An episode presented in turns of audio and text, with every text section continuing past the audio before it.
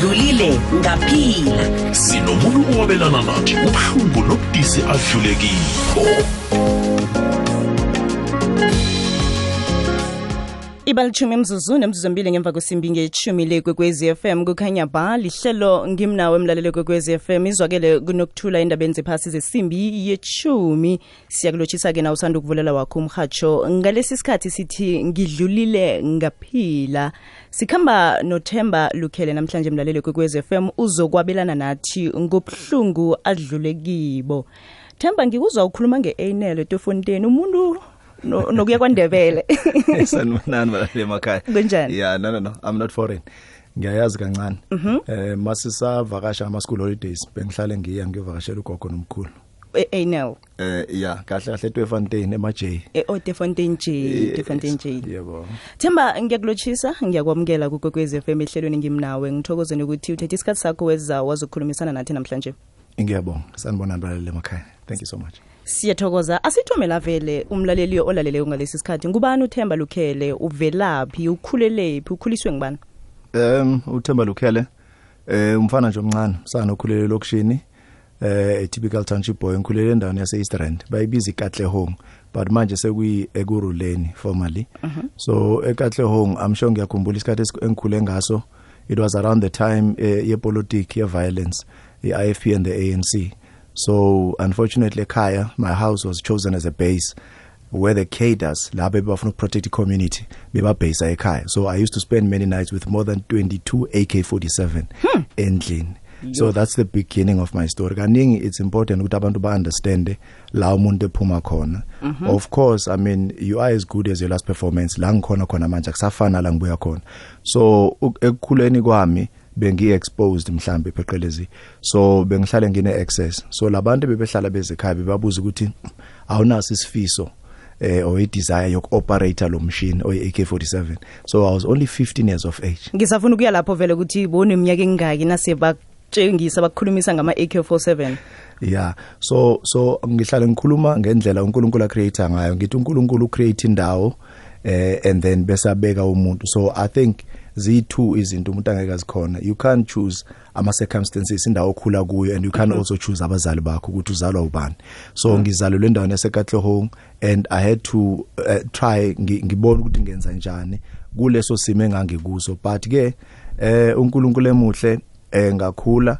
But ngelinye ilanga ngadecide ukuthi no ithi ngitshontshe one year lebhamu ezigcwelela endlini. Naw ngifuna ukuya esikolweni. So nga- ngaphambi kobana ufike lapho ukhuliswa babelethi bobabili eh? Ngikhuliswa umama nobaba. Yeah unfortunately namanje ever singisenabo abazali boy- boyi-two boyi-two Yes. U- uyile esikolweni eh khona ekatlengo eh ngifunde kahle ngefumana kula ngiyakhona ukuthi um kuyona leyo 15 years of age i was doing standard 6 so one day nga choose ukuthi let me steal one of many guns. Ngatshontsha one year labor ngayifaka Yo. phakathi kwe jacket kababa so i reason eh kukhona umlalelo osekhaya and ngifuna ukunderstandisa abantu i issue yabantwana abancane or our youth abazithola bakuyo. Sifuna ukuba hero worship. Sifuna ivalidation ukuthi abangani bethu basithathele ekhanda.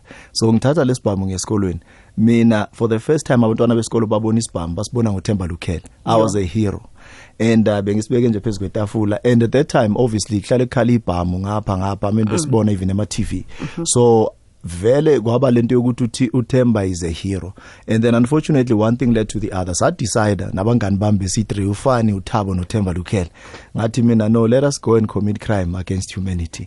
So nakhona bekungasukuthi sithi sifuna ugraduate kuleyo nto but sifuna nje ukwenza imali eh ngeindlela ekungasiyizo. And then unfortunately on that day saboshwa for the first time ngi-experience a cold jail cell i was 15 years of age. So nawuphethe isibhamesi AK47 eh, abo principal abo teacher esikolweni abasiboni eh abakhambi nje bayokutshela ukuthi uThemba uphethe isibhamu?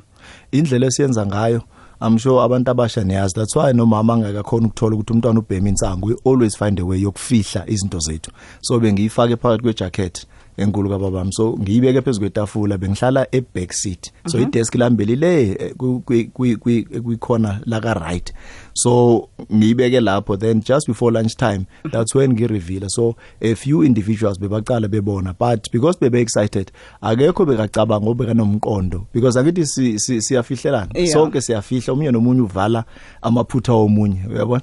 So abati abothisha zange babe exposed until ngiboshwa. Mangiboshwa because angisakhona ukuya eclassini manje angisakhona ukuya esikolweni. It was only then ba pick up ukuthi uThemba uboshiwe. Then kancane kancane istory saya sa reveal ukuthi no man on the day azohamba kukhona into bengekho normal. So on that day siyaphuma ke nabothabo to a nearby suburb so bekhona indawo nje yasemakhuweni eh, eduzane nalapho ngifunda khona efumana.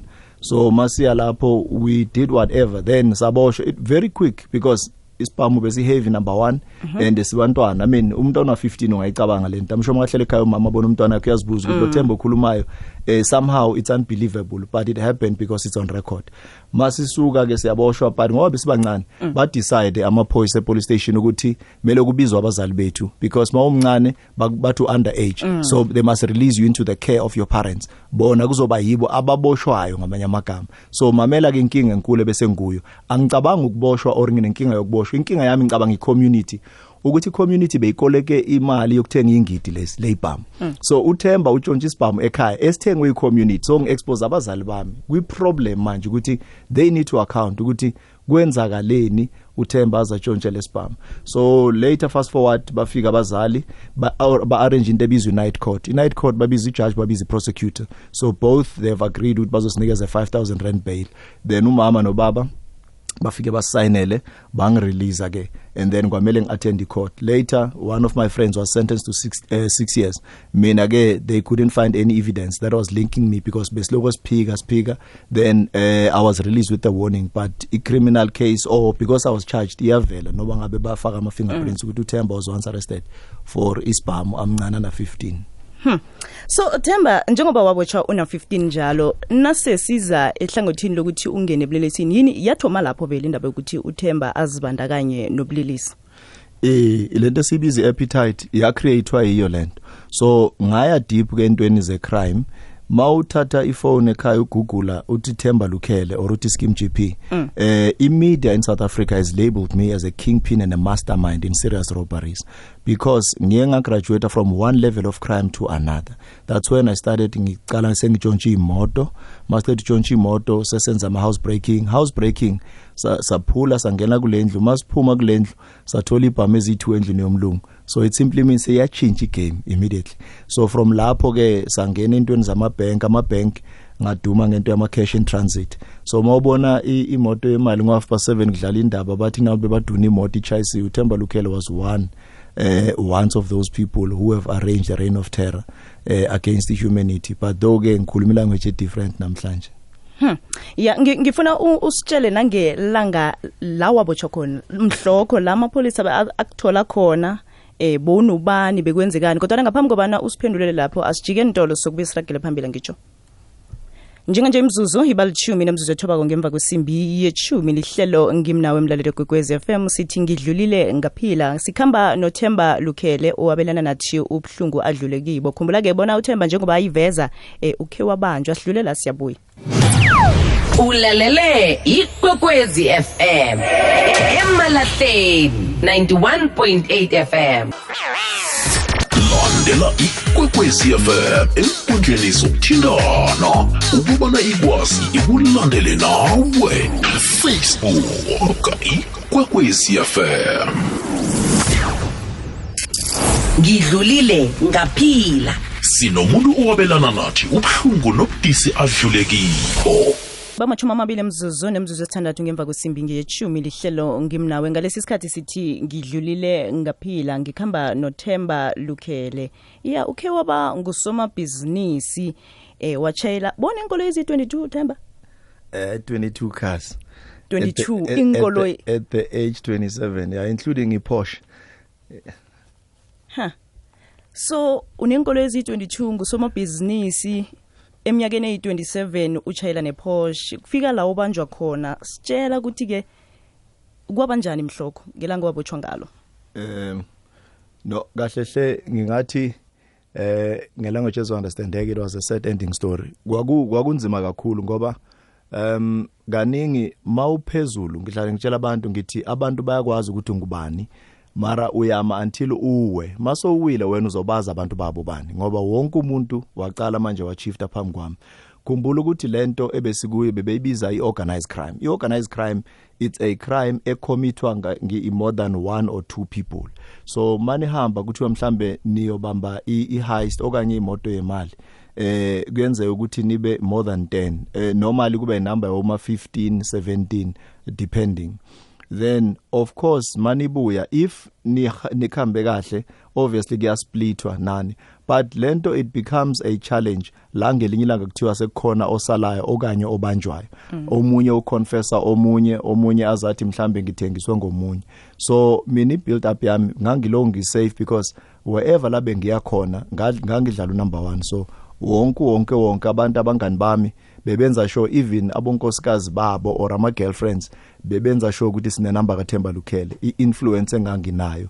And also bongangifonela njengamanje uthe angitshele coin security kunamalini njenga nje bengingakhona ukukutshela ukuthi kuna 92 million evalayo namhlanje. I was very connected. So bagcina bangibiza ngomshini bangibiza ngoscheme bangibiza ngemastermind ukuthi no he is a heart and the engine eh eyase strateni but ke because ngangimncane mm. eh ama problems nama mistakes were bound to happen ngoba makubhizi kune traffic uyakhohlwa into eziningi that's why ngihlale ngithi mina sometimes we focus on making money and we forget the things that money can't buy which is a family and a quality time mm. so ilange lami elangifikela lifika alingeni ngengaboshwa ngaphuma ngaboshwa ngaphuma kuzo zonke into ze crime Yeah. but ke i manage ukuthi eh, ngisurvive but kwafika isikhathi la ngengahlala khona ngajola ngathandana. So now i relationship was my ticket to prison. Abantu abaningi bayazi nje ukuthi abantu abaningi downfall yabo kube indaba kamama or kube ubaba eh where you are doing business ukahle ungusoma business uyaziwa mm. then uphuma uye next door ucheat ma ucheat unkosikazi uyakudivorce you lose everything because sekumele kusplit so pretty much kwenzeka into efana nale but uNkulunkulu had a plan ngempilo yami because bengingayiboni mina ukuthi kahle kahle ngiexpose kuyini lento so ngathi mina umuntu engangiphila naye I wanna open a business so mm. ibusiness yami because ngangibiza abantu uscheme uscheme kusho ukuthi my friend my Yeah. partner my chomi my homie mm -hmm. so mangithi scheme sami I was taking ownership of the relationship ukuthi you are my friend mm. so ngavula indawo ebizwa ischeme GP in the East Rand kaningi ama tourist besazi ke mawalenda e-airport bebalenda badrive baye kuphe Soweto eVilakazi Street. So ngathi mina I wanna bring a new culture endaweni yase East Rand. Ngicela ukuthi ngenze i-night life then ngaba nendawo abathi scheme GP I became popular ke. Bonke ke lama celebrities amaningi from Lucas Radebe Lindelani Mkhize abokhanya imbawo and them kula ngicwale ngicale khona ukujwayelana nabo. Kulesikhathi ke manje life yami was booming and abantu abaningi bakhona ukungibona or bakhona ukungazi. So Eh, encancabe eh scheme sihambe asikhambe sokuthatha ama headlines sokubuye sakele phambili. Thank you mkhanyo kwaphela osusa ubumnyama nambala ngidlulile ngaphila. Ukhona uThemba Lukhele mlaleli kwekwez m. Njengoba sekavezile ukuthi ukhe watshayela iy'nkoloyi ezimashumi amabili nambili khe waba ney'nkoloyi eziyi-22 eminyakeni 827 begoduke waba yi-owner ye-night club. Uthemba ngiyathokoza ukuthi ungibambele njalo. Ukhulumisa indaba ye-night club wayithatha wayisa ekasi katlehong. Yebo. Um ya kusho ukuthi ekwenzeni kwami ekhomitheni kwami crime ngangine sifiso sokuba a good businessman. So ubusinessman wasendaweni. Ngithanda abantu. So kuleso sikhathi ngavula into ebizwa ifoundation. Ifoundation kwaba yischeme GP foundation. So kula ngangisiza khona ke ogogo eh abomama people living with disability. But ke ukhumbula ukuthi amapolisa bebalokuba nalento yokuthi uThemba okusalayo eh, wenze imali through crime proceeds. So ngamanye amagama ingalo yomthetho yinde. Beloku ikhona into yokuthi lo one day sizomthola. Unfortunately ngangena kwi relationship fast forward isikhathi siyakhamba eh siyaphila nalomuntu but because life yami beyine traffic ngibusy ngivula ama businesses yonke indawo. So ngangena ku telecommunications bengina ama Cell C and Vodacom containers i32 so from Soweto ukuya eKatlehong eh kwakwama containers nginama mini buses lawa bawabiza ama taxi namhlanje ebe warank so i was becoming a big businessman. Kanti umama ekhaya ubusy ngezakhe na esayidini. So ngelinye lamalanga mangifika ngimbamba oqotsheni then nga decide ukuthi no man ngumfana waselokishini. Why ngizofika thina ke mhlambe ngenye language without ukuthuka eyobufebe ikhona naseBhayibhelini ngathi mina ngizodila ngayo ngendlela yami. Ngithe mangidila ngayo ngendlela yami of course ngam handler which namhlanje is a decision that I I am still embarrassed and I am not proud of. So mangi handler wavula icase. So uye neboyfriend. Kanti inkinga ukuthi iboyfriend le ebeke cheater naye ubaba wayo ugeneral wamaphoyisa. Hmm. that was the ticket.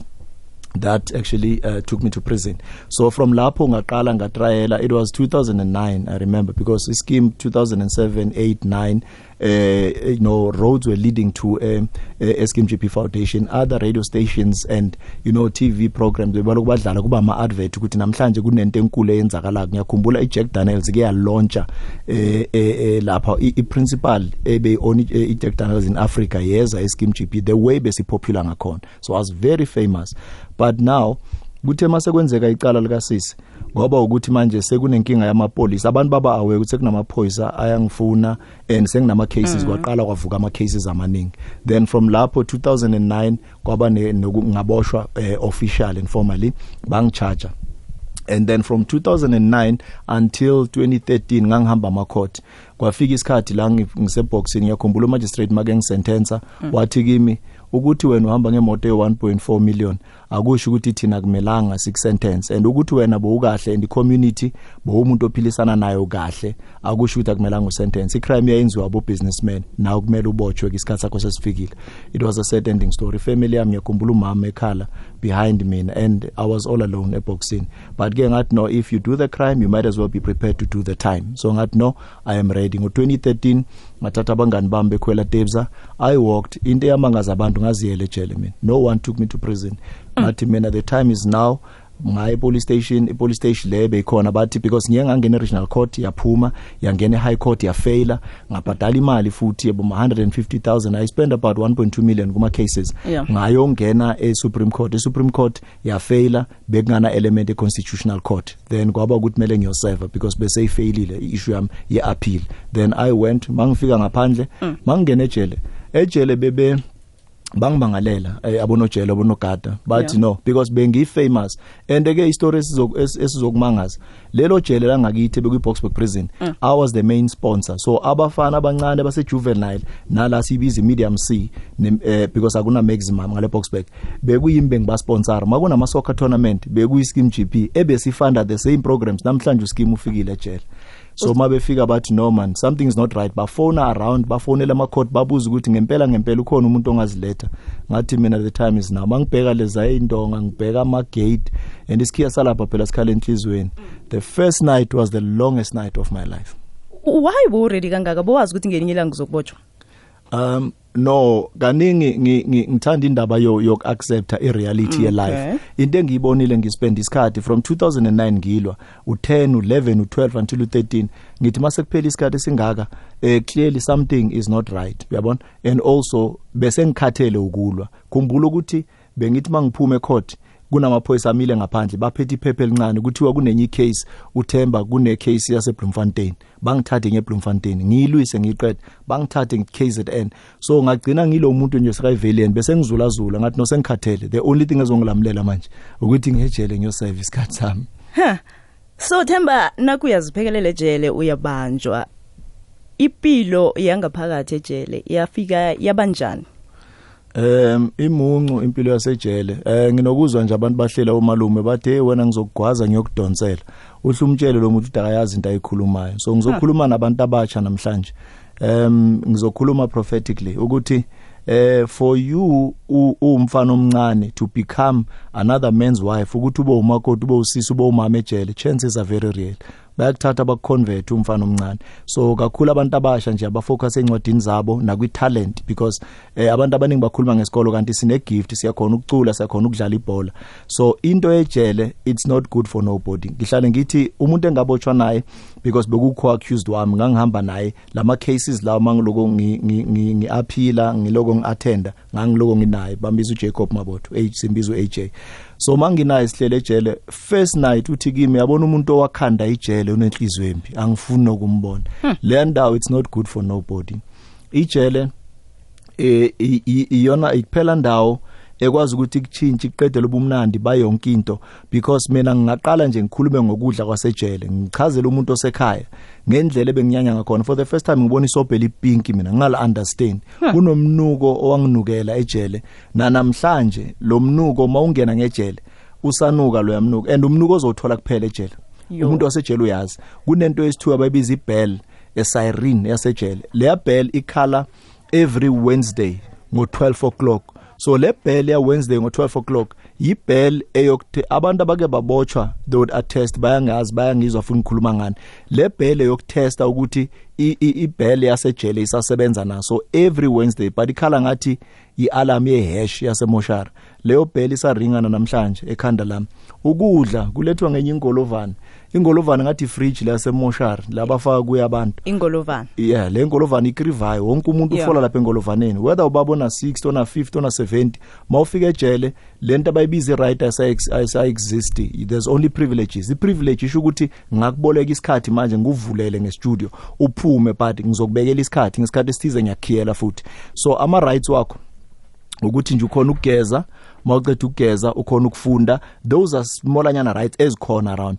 Uh, eh, eh, eh, but i-privilege yilo ukuthi sikuvulele vele umuve uye la ukhona ukubuya ukhona ukudla. Those are human rights esikunikeza zona. So ngangikhiyelwa ejele okhona okowabhanti into uyazi. Besikhiyelwa 19 hours. 19 hours usendlini. Only few 7 or 6 hours uyaphuma bayibiza exercise so ejele siyavuka ngo5 kuyabuka ngo6 makuvula ijele sifola ngaphandle siyama nga22 njengeinkomo nibalwe kanje ngathi nabantwana besikolo. Into engidinayo benginyangisa ngejele ilento yokuthi sigcoka uniform e1 ngathi abantwana base crash yonke into uyakalelwa yonke into uyatshelwa. Bese kuba nento eng- engihlanyise kokugcina ke mangisejele yile eyokuthi em yonke into maniphuma ne parole board niyatshelwa isikhathi. Manihamba uzoya eclinic niyatshelwa isikhathi.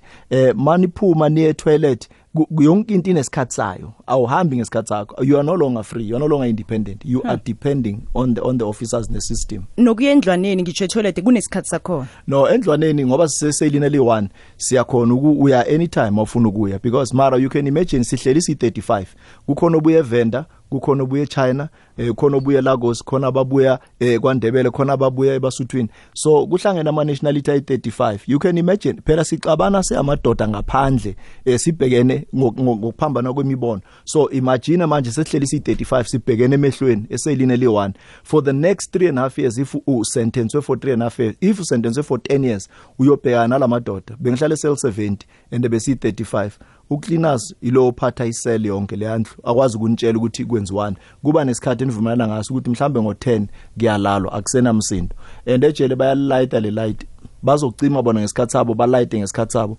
Mabafuna ukunisearcha bayafika bangena. Akunakuthi kune privacy. Whether ugcokile uhamba ngejoki bayangena bayavula. Bayachitha yonke into banisearche ngesikhathi abanifuna ngaso. Hmm. asijikela ethemba sokubuya siragele phambili. uJD noLady B nabahlangeneko Madiski Divas bafika kuwe ngomgqibelo ngesimbi yesithathu bazithezile zemidlalo. Ingoma esimnandi namaxoxo azokuthabisa. Zitheziwe namadiski Divas ukwekwezi FM kukhanya ba. Ngidlulile ngaphila. Sinomuntu owabelana nathi ubuhlungu nobudisi adlulekiko ibalitshumi mzuzu nemzuzu ethobako ngaphambi kokubetha kwesimbi ngechumi nanye le kwekwezi FM kukhanya ba lihlelo ngimnawe ngidlulile ngaphila ngikhamba nothemba lukhele. Themba usacoca indaba ipilo yangejele ipilo yangapha wabotshwa isikhathi esingangani ukusuka ngo-2013 ukufikela eh ngo2013 bengiqala isentence yami bangisentence to 7 years. So ngaspenda 3 and half years ejele. Kunento abayibiza iparole. So mawugwetshwe 10 years uzohlala ihalf ye 10 years. Mara kuyenzeka kwesinye isikhathi ukuthi usagwetshelwe iminyaka mawuthi uya ku parole board abantu abantu abangayazi ifamily yakho kumele ik-acknowledge shuthi ik-accept ukuthi sesiyamsayinela abuye mawungena family shuthi kumele wenze into abayibiza indishi uyoqhubeka ngaleyo minyaka yoyi-10 because ngeke bakuthathe bakushiye estradini unless nisendaweni yokuhlala enama shelter. I-shelter bayakhona ukukurelease uye lapho so yibo obuhlungu engikhuluma ngabo abantu abangabanderstand ukuthi for the first month mangingena ngejele mawusangena bakubiza i-medium usese u-b group. So mawulapho bazokubeka uye ewindweni. So mawuye ewindweni ukhuluma nomuntu ngewindow. Eh until kuphela 6 months bakuhlole ukuthi u right ukuthi sebaba ngakushintsha manje ube i, i, i, i low risk because khona into abathi high risk. So mawuse windweni kwenzeke enye into lapho umntwana nami eh mangihamba ngejele lasibona mbina 3 months so ikhulele ewindweni ngiyibhekile because bengakhona ukumthinta. So iwindow linenye into abayibiza ispeaker kune speaker esingapha kune speaker esingapha ngoba le bulletproof ephakathi nendawo yenhlukanisayo so i'm sure siyayibona e-TV into beyingidina ngale speaker mawukhuluma siyanuka abantu bayasikhafulela umntanami benginokuthi mangiza makezwe ivoice yami eze speakeni ngimthola khotha le speaker. Hey lento yangiphula umoya man. Bengiphula inhliziyo. Mangicabanga nje le yanto namhlanje and makamile sometimes bekeza afika libambe la window. So and lelo window engangikulo ngiyakhumbula ukuthi cousin yami ke yeza ngangiya kudala ngiyovakashela abantu ngingapha bengibiza iwindow number 20 ispeaker sakhona yise besi right nyana sizwakala so bengithanda ukuhlala window number 20 so mangakutshela istory sakhona very quick. So mangi cousin yami ngiyobona umuntu obeke phakathi. Ngibona omunye umuntu la ewindweni. Ngithi man hey lo muntu odlula la ewindweni muhle. Ngimbona through ireflection so ngibona isithunzi ewindweni.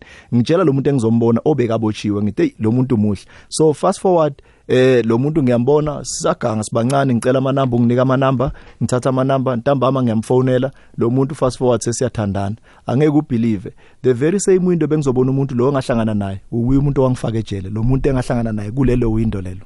How huh.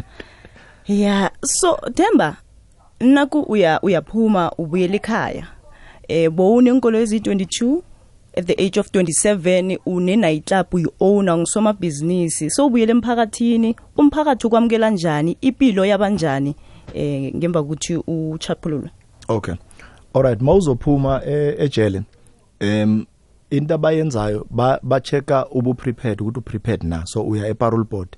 Bafike bakubuza ukuthi wenzeni ngesikhathi uhulumeni akuphe sona mawusejele so azange ngidlale ngesikhathi sami. Day 1 ngifika mina ngavele ngathatha iball pen nephepha ngathi i want to pen down ama thoughts and yonke into ebeyenzeka ngempilo yami. So ngafike ngabhala incwadi. So incwadi yami i wrote ngisejele 58000 words. Bazo understand abantu ababhala incwadi ngabhala isynopsis ngabhala ipreface yami.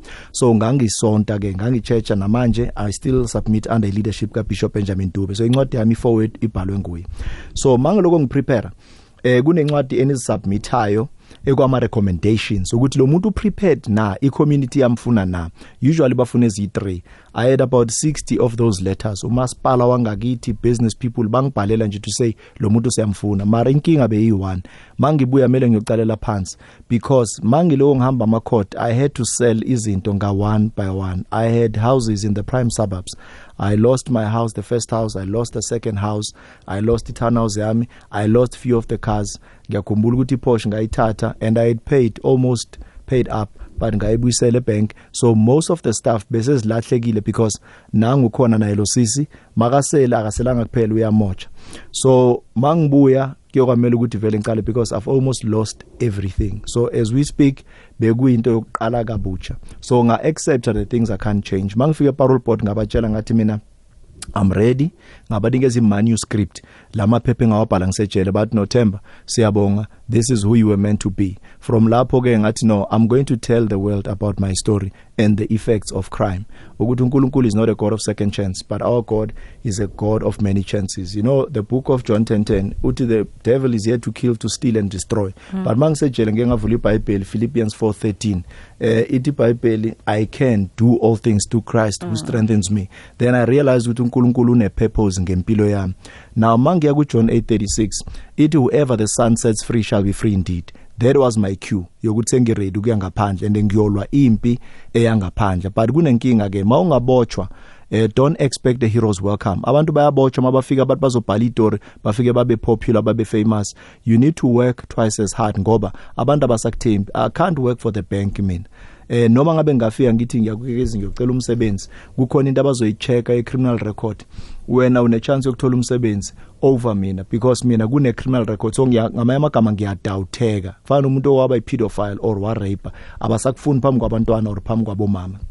Manje nga decide mangibuye ukuthi ngoba i-community isesenento ngothemba ngangiyithanda. Ngathi mina ngicela ukuthi ngibuyele back to i-case eyang sentence which was i gender based violence. Ngaqala manje ngachange namhlanje and currently nge ngu principal ku gender based I've worked nabo minister Lindiwe Zulu actually in 2020 eh ngesikhathi covid we walked from Gauteng to Durban ngeenyawo with my team. That's when we shot to fame. Siyibiza i act now. We were just um amplifying a message and talking uh, about the effects of gender based and ukuthi abobaba bangayigwema kanjani. Baya affecteka nabo mara kaningi yithi ama perpetrators so ungatsho ukuthi ngidlulile ngaphila? Eh ngidlulile ngaphila ngisazophila. Usazokuphila manje ke mhlambe ke eh Themba njengoba sizokuthoma i16 days of activism eh kunomuntu omutsho olaleleko usacabanga ubulelesi ufuna i-shortcut. Yazi imisebenzi ayikho eSouth Africa imali iyafuneka. Kunomunye ocabanga i-shortcut kunomunye eh, ongathi mara ngayenza njani imali yamsinya uthini emntwini omutsha olaleleko ngalesi sikhathi Um hey ngithi mina ingalo yomthetho yinde. Yabona kwesinye isikhathi uba nayo inhlanhla asifani singabantu. Eh mina inhlanhla yami engiyibongayo eh engibonga uNkulunkulu ngayo mihla namalanga ukuthi ngeke ngasaveka ngiyaphila. Ubuze enye question earlier on ukuthi abangani bakho bathini of air makube mhlambe eh uzokhuluma ngeistory ezifana nalezi. Abaningi bakhona sikhamba phezulu kwabo namhlanje bashonile abaningi baphelele emajele. But uNkulunkulu because ube nepurpose ngempilo yami wangiphi second chance? That's why ngafuna ukudlala ngayo. So umuntu omusha if ufuna ukuattempteka don't even think about it. Because uh, it's not worth it. Isikhathi osispendayo udla le mali ne? Nesikhathi ozospenda so behind bars. Uzobona ukuthi yazi ngeke nga waste isikhathi. Ngabe nga- ngazama ukupolish italent lami enginalo okanye ngaqhubeka ngesikolo. Sinama spaces amaningi akhona eh, igovernment isinikeza ama opportunities ngikhuluma ngefoundation. Ifoundation awu need standard 10 you just need a document ufike uvule that CK immediately once you have a certificate of foundation you can always go uye ku government uyocela ukuthi bengicela ifunding ngifuna ukusiza eh, umphakathi wangakithi wasemostorolosi eh, kunento esizenzayo ama programs then bazokutshela ukuthi okay udila ngani ke gender base or ufuna ukubanikeza ama food parcels. They are always i know kunzima. Abantu bafuna ukwenza abantu abasha eh, abana patience. And patience is a virtue. Iyabhadala kwesinye isikhathi because kukunamhlanje ngithe mangiphuma ngejele i mean ngina more than ngi- sengina 6 years ngibuye ejele. Mara kule 6 years kube complicated kwaba difficult. It's almost impossible. Umnyango ohlala uvuliwe umnyango wasejele ukuthi wena ungabuyela. Mara mawuthi ungena ngapha bayakuvalela bengifamous bengidumile the very same people. Ngikhumbula one time ngenza ishow kaBishop Benjamin Dube one of the artists engengimusha igama. Wahala ukuthatha isithombe nami. Inhliziyo yami yababhlungu over. Very famous and popular. Lo muntu ishow yenziwe yimi.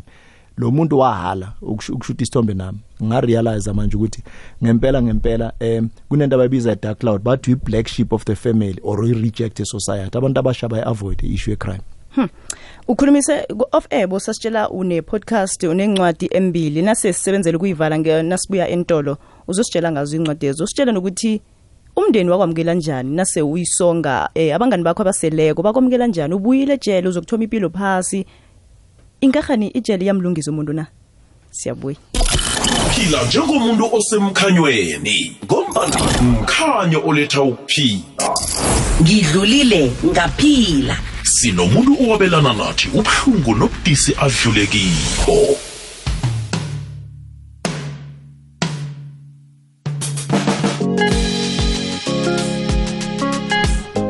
ibal lithoba imzuzu ngaphambi kokubetha kwesimbi ngeshumi nanye. Ukhona unontokozo sikhosana ngo-11 uzokufunda indaba zephasi. Ngalesi sikhathi siyacetelela nothemba lukhele ngidlulile ngaphila.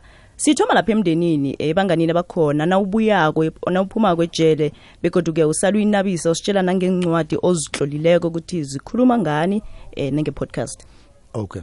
Um umndeni bolokufisa ukuba nami because bebeza nasejele bazongibona eh azange ngaba umuntu ohlupha icommunity. Eh kwesinye isikhathi angithi sinalento yokuthi hayi asitshontshe imali yabantu sitshontshe imali yabelungu. Mara okusalayo abantu baya affecteka in the process. Like mawuhambile nayo bamba i-heist kanti abogogo bayohola. Abogogo bayomilanga lonke sekumele ku-rearrange ngendaba yenu ukuthi ni- nibahlangahlanganisile empilweni zabo. So ifamily yami because umama ubaba vele bebalokubana lesikhalo. Manje inkinga yami iyi-one ngiye ngarealize ukuthi kune pain engiye ngayifaka efamilini eh kangangokuthi umama uye wa develop ama sicknesses uphathwa isifo senhliziyo umama waphathwa ushukela.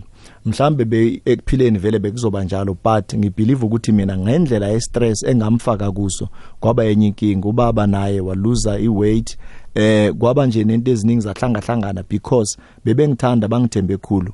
And bazi ukuthi uThemba umntwana oqala ekhaya and ngendlela enza ngayo izinto siyambona ukuthi sithembile nefamily yonke bebelievela kimi. Kodwa indlela bang receive ngayo eh, it was a warm welcome eh, until to date ifamily yami isabumbene ibambene. And ekuphusheni kwami konke futhi kwangisiza ngoba em ngihlale ngithi uNkulunkulu wethu uyi gentleman angeke aziforce ukungena emntwini.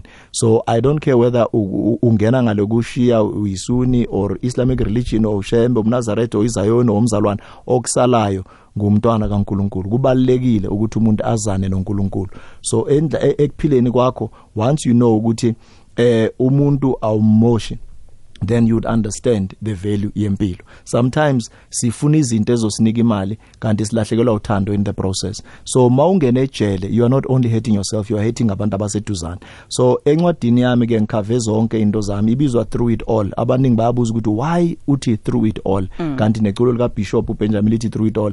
Ngithi mina ijele ngesintu ukufa. So ngingenile ngafa ejele ngaphuma. So that's why ngithi nginesibindi namhlanje sokuthi I've been through it all. Ama chapter wama 7 so ku- ngibiza iGenesis to Revelations ngikhuluma ngayo yonke impilo igaba zami zokuphila. So incwadi yami yatholakala in all the CNA stores. Eh, AS2 ngiyibiza iKingpin. Now the Kingpin seyishintshile akusasi iKingpin ebeyidubula ngesibhamu namhlanje ngidubula ngemic. I've went to 1100 schools in 2019 no DJ Sbu. Eh, to date amajela ay243 Gauteng ay23 sengiwahambe wonke. Ngikhuluma nabafowethu ukuthi 26 27 Big 5 Re4 Air Force azisebenzi lezo zinto. Angeke kusize ngeke uthathe leso sithupho osibhalile kuwe emzimbeni bese uthi sikunika ukudla or sikuvikele. Eh uyayifaka nje ukuthi u- u- uchaza abangani bakho. So i podcast will be talking to ama inmates and i2 because ngine gender based and then nginale ngikhuluma nayo nama inmates ukuthi abantu entabeni zokuxhumana bakhona ukusendela imibuzo sikhona ukukhuluma nabo. So very soon eh mawulandela uThemba Lukhele or Skim GP eh bazokhona ukuthi bakhona ukutholana nathi. So sikhuluma ngama issues affect abantu nokuthi ejele eh ikhona into abathi development rehabilitation ubuzelo umbuzo before siya ehomejeni ngale eh ijele rehabilitation ebakhona mara ngibiza self development umuntu noma ungamthatha sometimes upri- head of prison wathi kimi umuntu ufana nosathana u-irredeemable. Umuntu is not leopard. Abantu bayashintsha. Eh, and life in mele sibanikeze second chance. Bengicela na ku-community ukuthi makukhona wangakini abathi lona wasentence 25 years we life sentence give them an opportunity. Cela niba embrace kubalekile you can imagine now makungathiwa uphingile okanye utholakala ufebile mabaqedile bathi so rejectiwe society eh kuba buhlungu because the only thing baphinde babuyele emuva. So asithanda nini siya ku 16 days of activism. Ngiyacabanga ukuthi ngezinye zezinto enizozikhava lapho kuma podcast wenu. Yes yes mam eh sinama projects akhona vele. Ku 16 days usually uh, izolo besikuyimbizo siyivala no president uh, no minister actually day before president bekakhona izolo beku minister Lindiwe Zulu. So we work very close. Lama programs awusinikeza wona. Sihamba around the country sisebenza ne Skim GP Foundation. Kukhona ithimba futhi awathi act now. They are very big on on on le, le issue. So into esiyenzayo we are spreading the message ngoba sifuna ukuza ngento abathi preventative measures asingama ambulance abantu bangasibizi sekuthiwa sekufa abantu. Ngitsheleni kusese early ukuthi Themba Lukhele kunenkinga. Let me intervene. Ngibone ukuthi singayigwema kanjani. That's why ngithi mele sisebenze ngalendlaba ukuthi si prevent prevention is better than cure. So anything eyenzakalayo abantu abakhulume namhlanje kune mental health abo baba ba ezindlini mawungasebenzi umama uthi uyangi illiterate into ebalekile speak out khuluma. Umama make shower e next door ungathi ayifuni mina khuluma because sa- kusasa abantu bazobasho the same thing. Mase kushona umuntu sekhana emeleni yongcwaba kanti bekhona umuntu ongakhona ukukhuluma kungenela abantu bomthetho sikwazi ukuthi siyilungise lebe njengomzomnyama. Themba eh izwakele. Ukhona inkundleni zokuthintana? Eh ngikhona einkundleni zokuthintana. Eh uskim GP eh SKEWM so masi masikhuluma nge nge Instagram and then ku Facebook uh, and also kwi kwi Twitter all platforms SKE SKWEM GP skim GP ngidlulile ngaphila uyatsho ukuthi yazi mina nginguthemba ngidlulile ngaphila. Ngidlulile ngaphila. Unayo imoto eh ekwenza ukuthi uragele phambili nempilo oyithandako sesiyivala sifuna ukuyivala ngemoto yakho Themba? We can no longer change our past we can only change and influence the future. Angeke siyichange into eyenzakele. Noba ngathi siyathanda ngicela sitshintsheni eh, siqale from namhlanje work towards i direction entsha. We can only change and influence the future Themba ngithokozile isikhathi sakho ngithokozele nokuthi ukhulumisane nathi ngobuhlungu odlulwe kibo. Siyabonga. Thank you so much. Siyabona siyabonga emakhaya siyathokoza. Ebesikhulumisana naye nguthemba lukhele. Ngidlulile ngaphila